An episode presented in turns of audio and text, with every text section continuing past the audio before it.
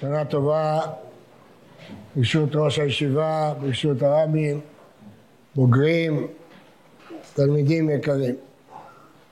התורה סתמה את עניין ראש השנה בצמד המילים יום תרועה יהיה לכם. החכמים ביארו לנו אה, יסודות ביום הזה. ואחד היסודות שזה יום ראשון לעשרת ימי תשובה, יסוד אחר שזה יום הדין, ויסוד חשוב שזה מלכויות. אנחנו יודעים שבתפילה תקנו לנו מלכויות, זיכרונות ושופרות. המלכויות זה השלב הראשון. מלך על כל הארץ. אנחנו יודעים שהחליפו את הביטוי האל הקדוש בביטוי המלך הקדוש. והביטויים של המלכות, גם ראו אותם מתבטאים בתקיעת השופר, הפכו להיות מהיסודות של תפילת ראש השנה, מלוך על כל העולם כולו בכבודיך. מניין שאבו חכמים את הידיעה שראש השנה זה יום המלכות?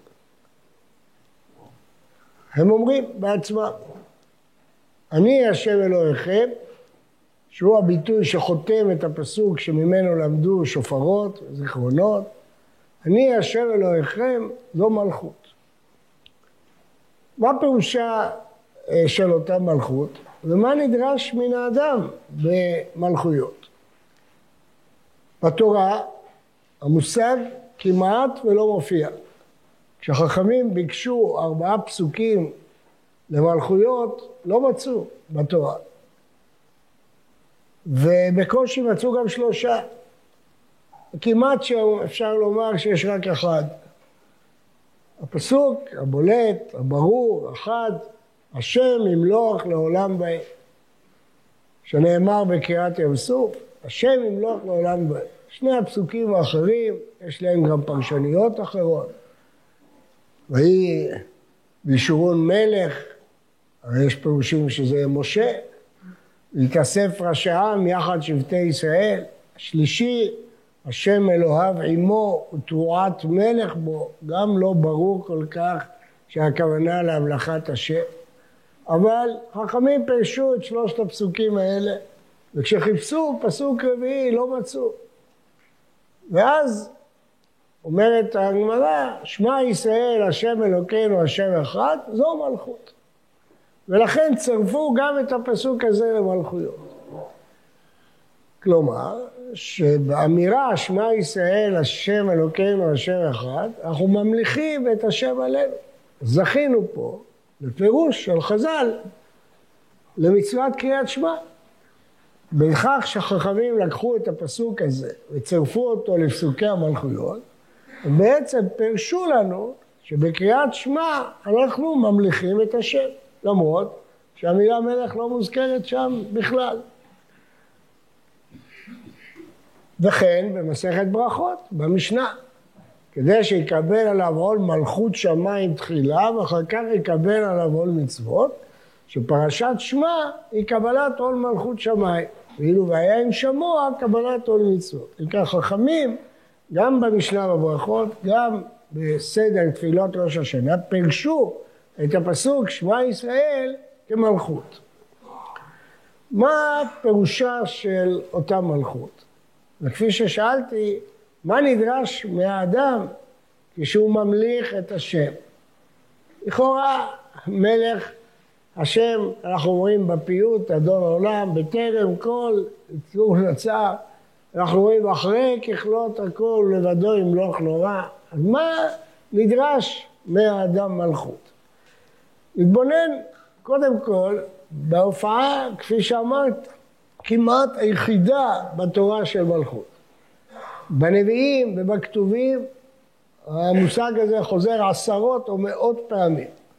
בתהילים, גם בהקשרים שלא היינו מצפים להם.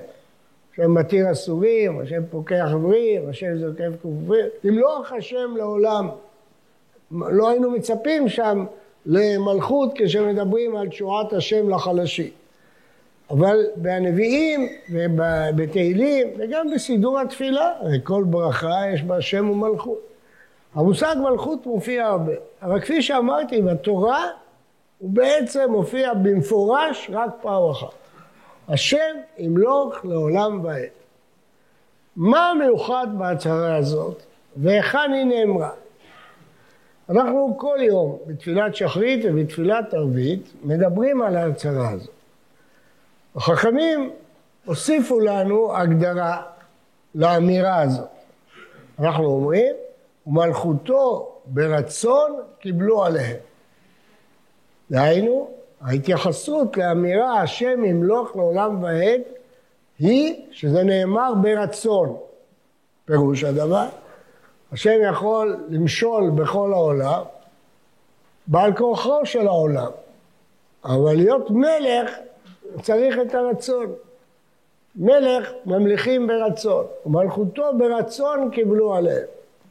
דבר שני, למה מייחסים חכמים את המאמר השם ימלוך לעולם ועד?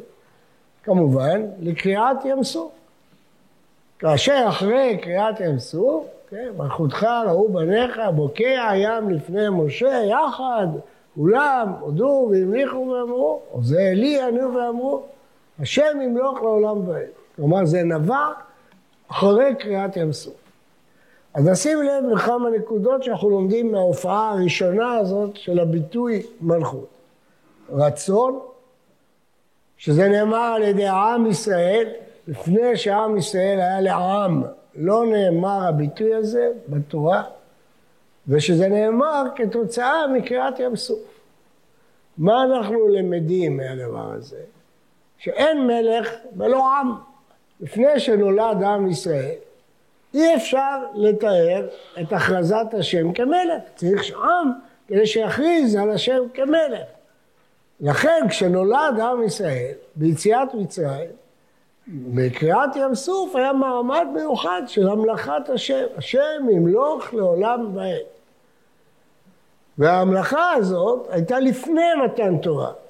במתן תורה הם קיבלו את המצוות, מעין מה שהמשנה בברכות אומרת, קבלו על עול מלכות שמיים תחילה, אחר כך יקבל עליו עול מצוות, או כדברי חז"ל במדרשים, קיבלתם מלכותי, קבלו גזרותיי. כלומר המלכות היא קודמת לקבלת המצוות. עול מלכות שמיים תחילה.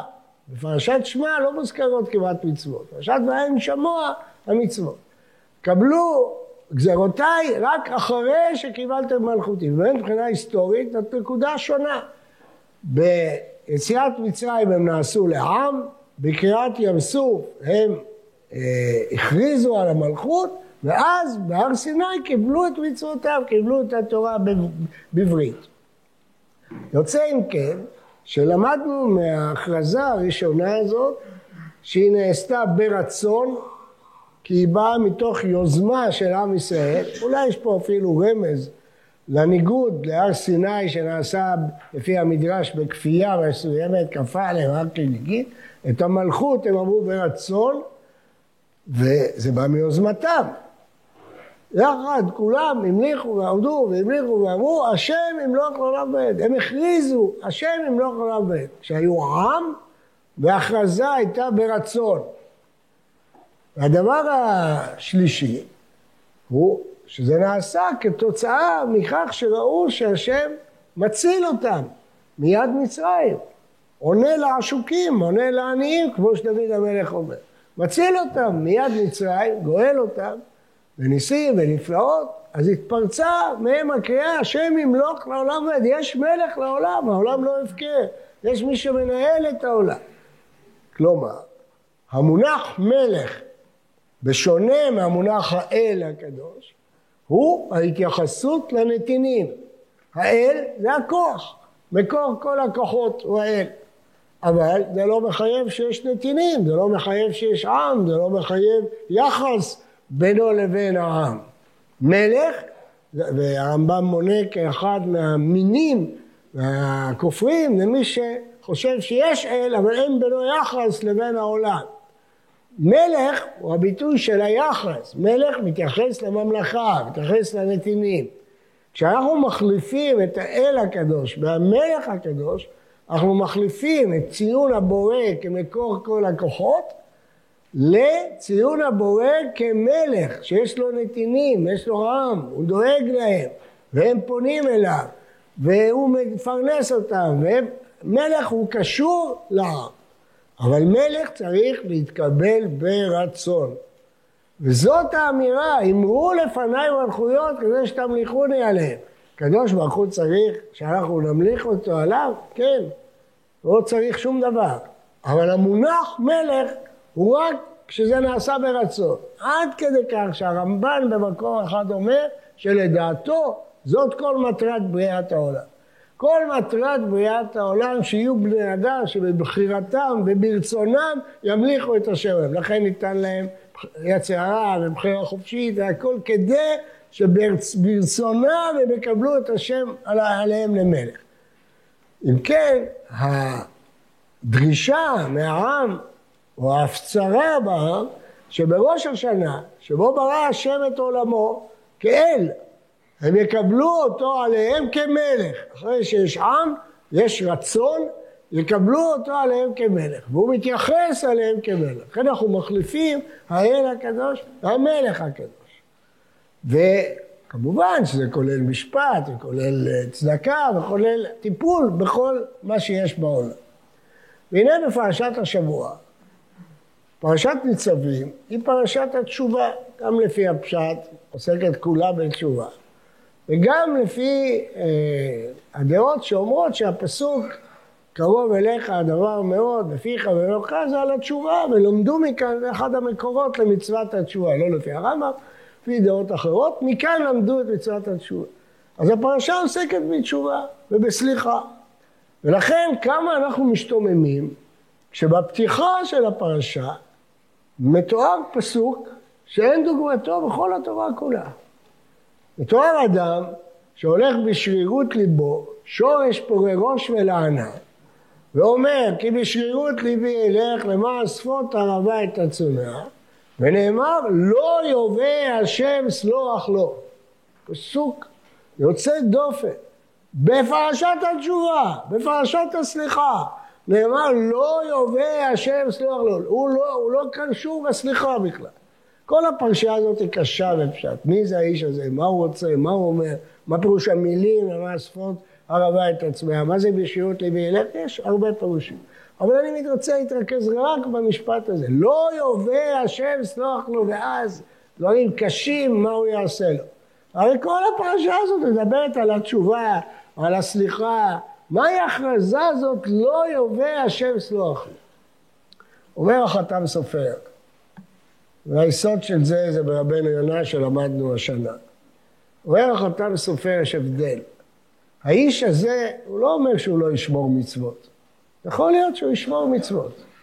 הוא אומר, בשרירות ליבי אלך, אני אחליט איזה מצוות לקיים. אני אחליט מה לשמור ומה לא לשמור. אני לא מוכן לקבל עליי עול. אני לא מוכן להיכנס לברית. הוא לא מוכן לקבל עליו עול מלכות שמיים. הוא רוצה לשמור על שרירות ליבו, על החופש, שהוא יחליט איזה מצווה לקיים ואיזה מצווה לא לקיים. אומר החתם סופר, על זה נאמר לו יובא השם סלוח לו.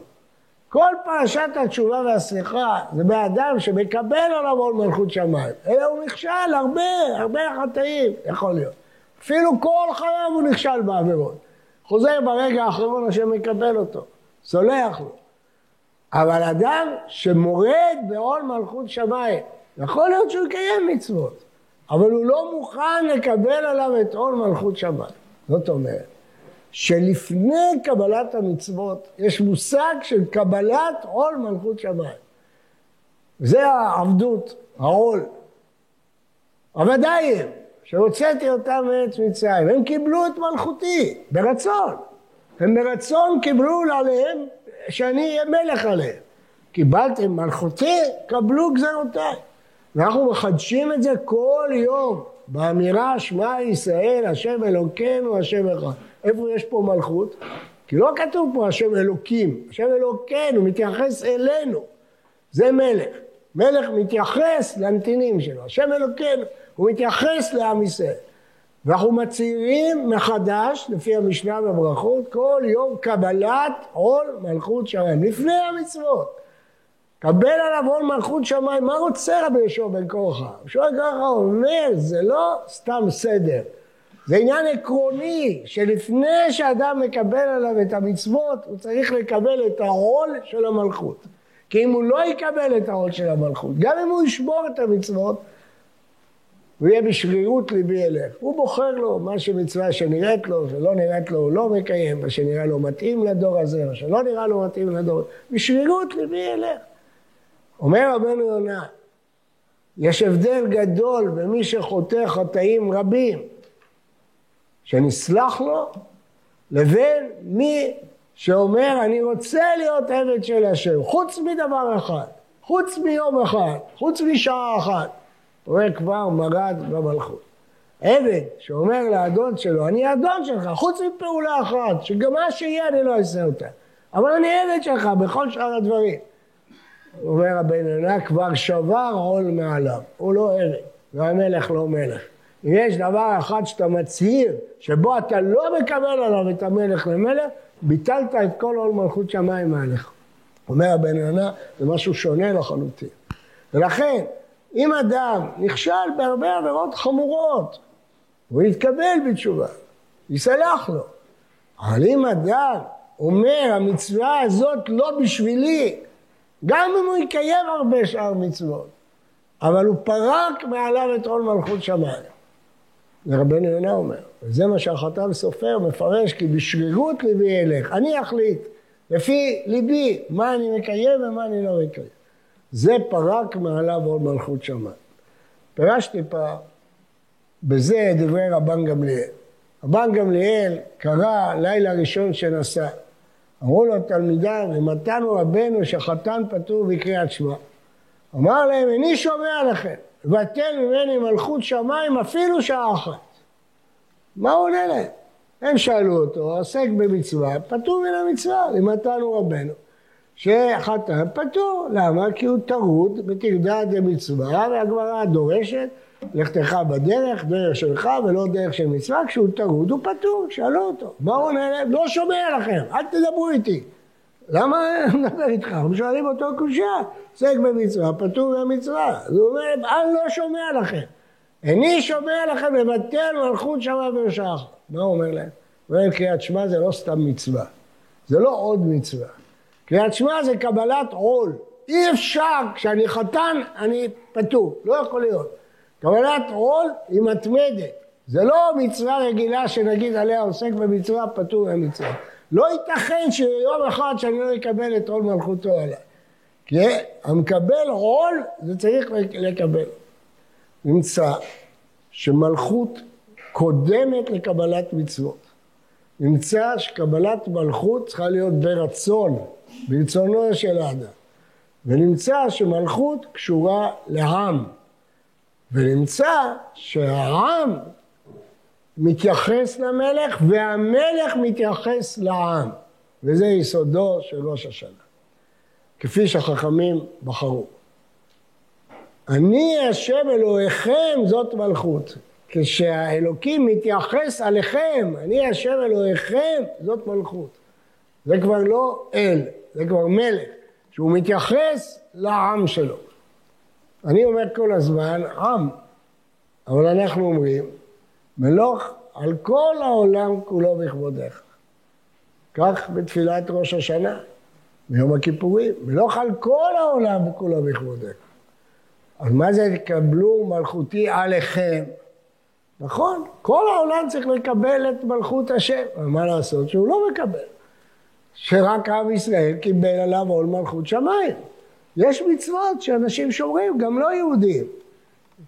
שומרים מצוות, אבל קבלת האלוה כמלך רק עם ישראל קיבל. השם ימלוך לעולם ב'. אנחנו מבקשים, אנחנו מתפללים, ולא על כל העולם כולו בכבודיך. למה? אבל צריך שהעולם ירצה את זה. צריך שהעולם יבקש מהאל למלוך. בינתיים רק עם אחד הסכים לקבל עליו עול מלכות שבת. עכשיו, מה זה אומר על האדם הפרטי? אתה ממרה נכונה, ש... אמיתית, שאדם יכול להמליך את השם על כל העולם, חוץ מעליו. כתוב, תמליכוני עליכם, לא תמליכו אותי על אחרים, תמליכו אותי עליכם. במה מתבטא האדם הפרטי שברצונו אומר השם ימלוך לעולם ועד? מה פירוש הדבר? במה זה מתבטא שהוא ממליך את השם? לא רק באיזה טקס, הצהרה, תקיעה בשופר, זה צריך להתבטא במשהו. במה מתבטא שהוא ממליך את הקדוש ברוך הוא?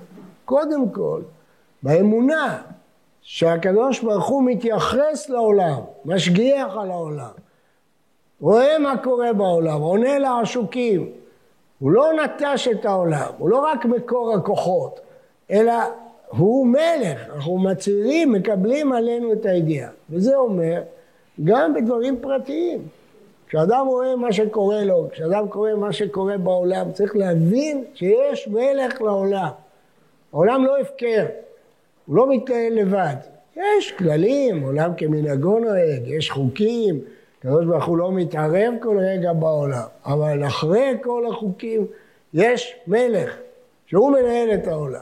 והאמונה הזאת צריכה להיות חזקה באדם. דבר שני, שלקבל עול מלכותו עליו לפני שהוא מקבל את המצוות. לא קבלת מצוות במובן שאני בוחר איזה מצווה אני מקיים. אני מקבל את עול מלכותו עליי, ומזה אני אקיים את המצוות. יש מצוות שאני מבין, יש מצוות שבינתיים אני לא מבין, אני אשתדל להבין. העול הוא קבלת עול מלכות שם. מלכותו ברצון קיבלו עליהם. אי אפשר היה לעשות את זה בלי רצון. אילולא המעמד הזה שאחרי קריאת ים סוף, לא היה יכול לבוא המעמד של הסיני. הקדוש ברוך הוא לא יכול להיגלות לעמו ולתת להם תורה ומצוות לפני שהם הכריזו השם ימלוך לעולם ועד בקריאת ים סוף. רק אז התאפשרה מתן התורה וקבלת המצוות. רק בעקבות קבלת מלכות השם ברצון על ידי העם, כשנולד העם וכשהעם יחד החליט מעצמו, ביוזמתו, לקבל עליו את מלכות השם, השם ימלוך לעולם ועד, אז אפשר לתת תורה, אז אפשר לתת מצוות. כשאדם מוכן לקבל על עצמו את השם למלך, הוא מבין שהוא מנהל את העולם, הוא מבין שהוא מתייחס, שהוא משגיח, הוא מבין שהוא מקבל את גזירותיו, אז הוא יכול לשמור את המצוות באהבה ובשמחה מתוך להגיד והיה עם שם. וגם אם הוא ייכשל, יש לו תשובה, יש לו סליחה, כי הוא קיבל את מלכות שמיים עליו. הוא לא הולך בשרירות ליבו, הוא לא מתברך בלבבו לאמור שלום יהיה לי, אני אעשה מה שאני רוצה. לא, הוא קיבל עליו עול. ודאי, אחר כך נכשלים וחוטאים ונופלים וקמים, אבל יש סליחה, יש תשובה, יש תקווה. יש תקווה, אדם יכול לקוות, לשנות את דרכו, להתחדש, כנשר לאורייכי. יש לו תקווה, כי הוא קיבל עליו עול מלכות שמיים. ולכן, בראש השנה הבסיס של התשובה הוא קבלו מלכותי עליכם. תקבלו אותי עליכם למלך. אנחנו רוצים שהמלכות תתפשט על כל העולם, אבל קודם תקבלו אותי למלך. השפת אמת אומר, תירוץ לקושיית הטור. הטור מקשה איך אנחנו שמחים וחוגגים בראש השנה, כאשר זה יום הדין. מי שרואה את הביטויים של הרמב"ם בפירוש המשנה, למה לא אומרים הלל, כי זה יום חרדה וצעקה ובריחה מן השם אליו, ביטויים מאוד קשים של חרדה, לכן אי אפשר להגיד הלל, אומר הרמב"ם, זה לא זמן של שמחה יתרה. אבל בכל זאת זה יום טוב, שמחים. מה התשובה? שואל הטור. הטור עונה את התשובה המפורסמת, שאנחנו בטוחים שהקדוש ברוך הוא יגזור את דינו של עם ישראל לטובה. לכן אנחנו שמחים, אנחנו בטוחים בזה. טוב, יש קושיות על התירוץ הזה, אבל השפת אמת אומר תירוץ אחר, מקורי ביותר. הוא אומר שפעם המלך הודיע שהוא יבוא לביקור יחד עם כל השרים, היועצים וכן הלאה, וכל אדם מהכפר יעבור לפניו לביקורת. הוא היה בצבא, אם הבן שלו שירת בצבא, אם הוא שילם את המיסים, אתם יודעים מה זה. עד שהיו באים לגבות את המיסים, כן, בודקים את כל הספרים, את כל החשבונות, מה יהיה, וכל אחד עובר באופן אישי, וכל היועצים אומרים, כל אנשי הכפר כמובן פחדו, היו כאלה שנמלטו על נפשם, ברחו מהכפר כדי לא להיות ביום הזה. כל הארץ רועדת, בבוא השם למשפט, הארץ רעדה. אבל היה אדם אחד שהיה שמח, הסתובב בשמחה. אמרו לו, למה אתה שמח? אתה שילמת את כל המיסים שלך? הוא אומר, לא, מה פתאום? הבן שלך שירת בצבא את כל התקופה? לא, מה פתאום? מה אתה שמח? אתה תעבור לפני המלך, ימצאו את כל מה שיש לך. הוא אומר, ולראות את פני המלך זה לא שווה? שפעם אני יכול בחיים לראות את המלך? אני שמח. כשהוא בא לפני המלך שמח ועליז, המלך היה בטוח שהוא קיים את כל חובותיו. ואז היועצים בודקים את פנקסיו ורואים לא מיניה ולא מקצתה. אז המלך כועס עליו, למה אתה שמח? תראה כמה חובות יש לך. אומר לו המלך, אומר לו הכפרי הזה, שמח על הזכות לראות אותך פעם. אומר לו המלך, תוותרו על כל החובות שלו, אומר השפת אמת. אומר השפת אמת, עם ישראל שמח למרות שהוא יודע שהוא עומד למשפט והמשפט קשה. כל אחד מאיתנו יודע בלבבו מה שהוא עשה. לב יודע מרת נפשו, וכל אחד יודע כמה משפט אמת ומשפט קשה. הקדוש ברוך הוא יודע יצרי לב איש ומעל תח... מצד הגבר, עלילות מצד הגבר, הכל. אז זה קשה, אבל רואים את המלך, המלך נמצא איתנו, וכל מי שהיה בראש השנה ויום הכיפורים מרגיש את המלך, ומרגיש שזה מביא לו שמחה. זה לא תיאוריות. הוא מרגיש כמה הוא שמח שהוא קרוב להשם בראש השנה ויום הכיפור. כשיוצאים פה מהתפילה במוצאי יום כיפור, אתה רואה את השמחה לאנשים שזכו להיות קרובים למלך. מי שהיה בישיבה במוצאי כיפור חש את זה ממש בגוף שלו, את השמחה ואת העושר, שעמדנו לפני המלך. אומר הצפת אמת, לכן אנחנו שמחים. לא, ודאי זה יום חרדה וצעקה ותשובה, אבל זה יום שרואים בו את המלך. יכולה להיות שמחה לאדם יותר מלהיות קרוב לאלוקים, קרוב לפני השם. אתה זוכה להיות קרוב לפני השם, אתה שמח. אבל אז בא המשפט הנוסף, בזכות השמחה הזאת יכפרו להם על עוונותיהם. צודק הטור. אבל התשובה היא לא כמו הטור. לא שהם שמחים כי הם בטוחים שיכפרו עוונותיהם, הם שמחים כי הם עוברים לפני המלך, כי הם קרובים להשם בימים האלה. ואז, אם ככה הם מתייחסים ליום הזה, באמת הקדוש ברוך הוא יכפר את עוונותינו ויכתוב אותנו לשנה הטובה ומאושרת יחד עם כל כלל ישראל, אמן.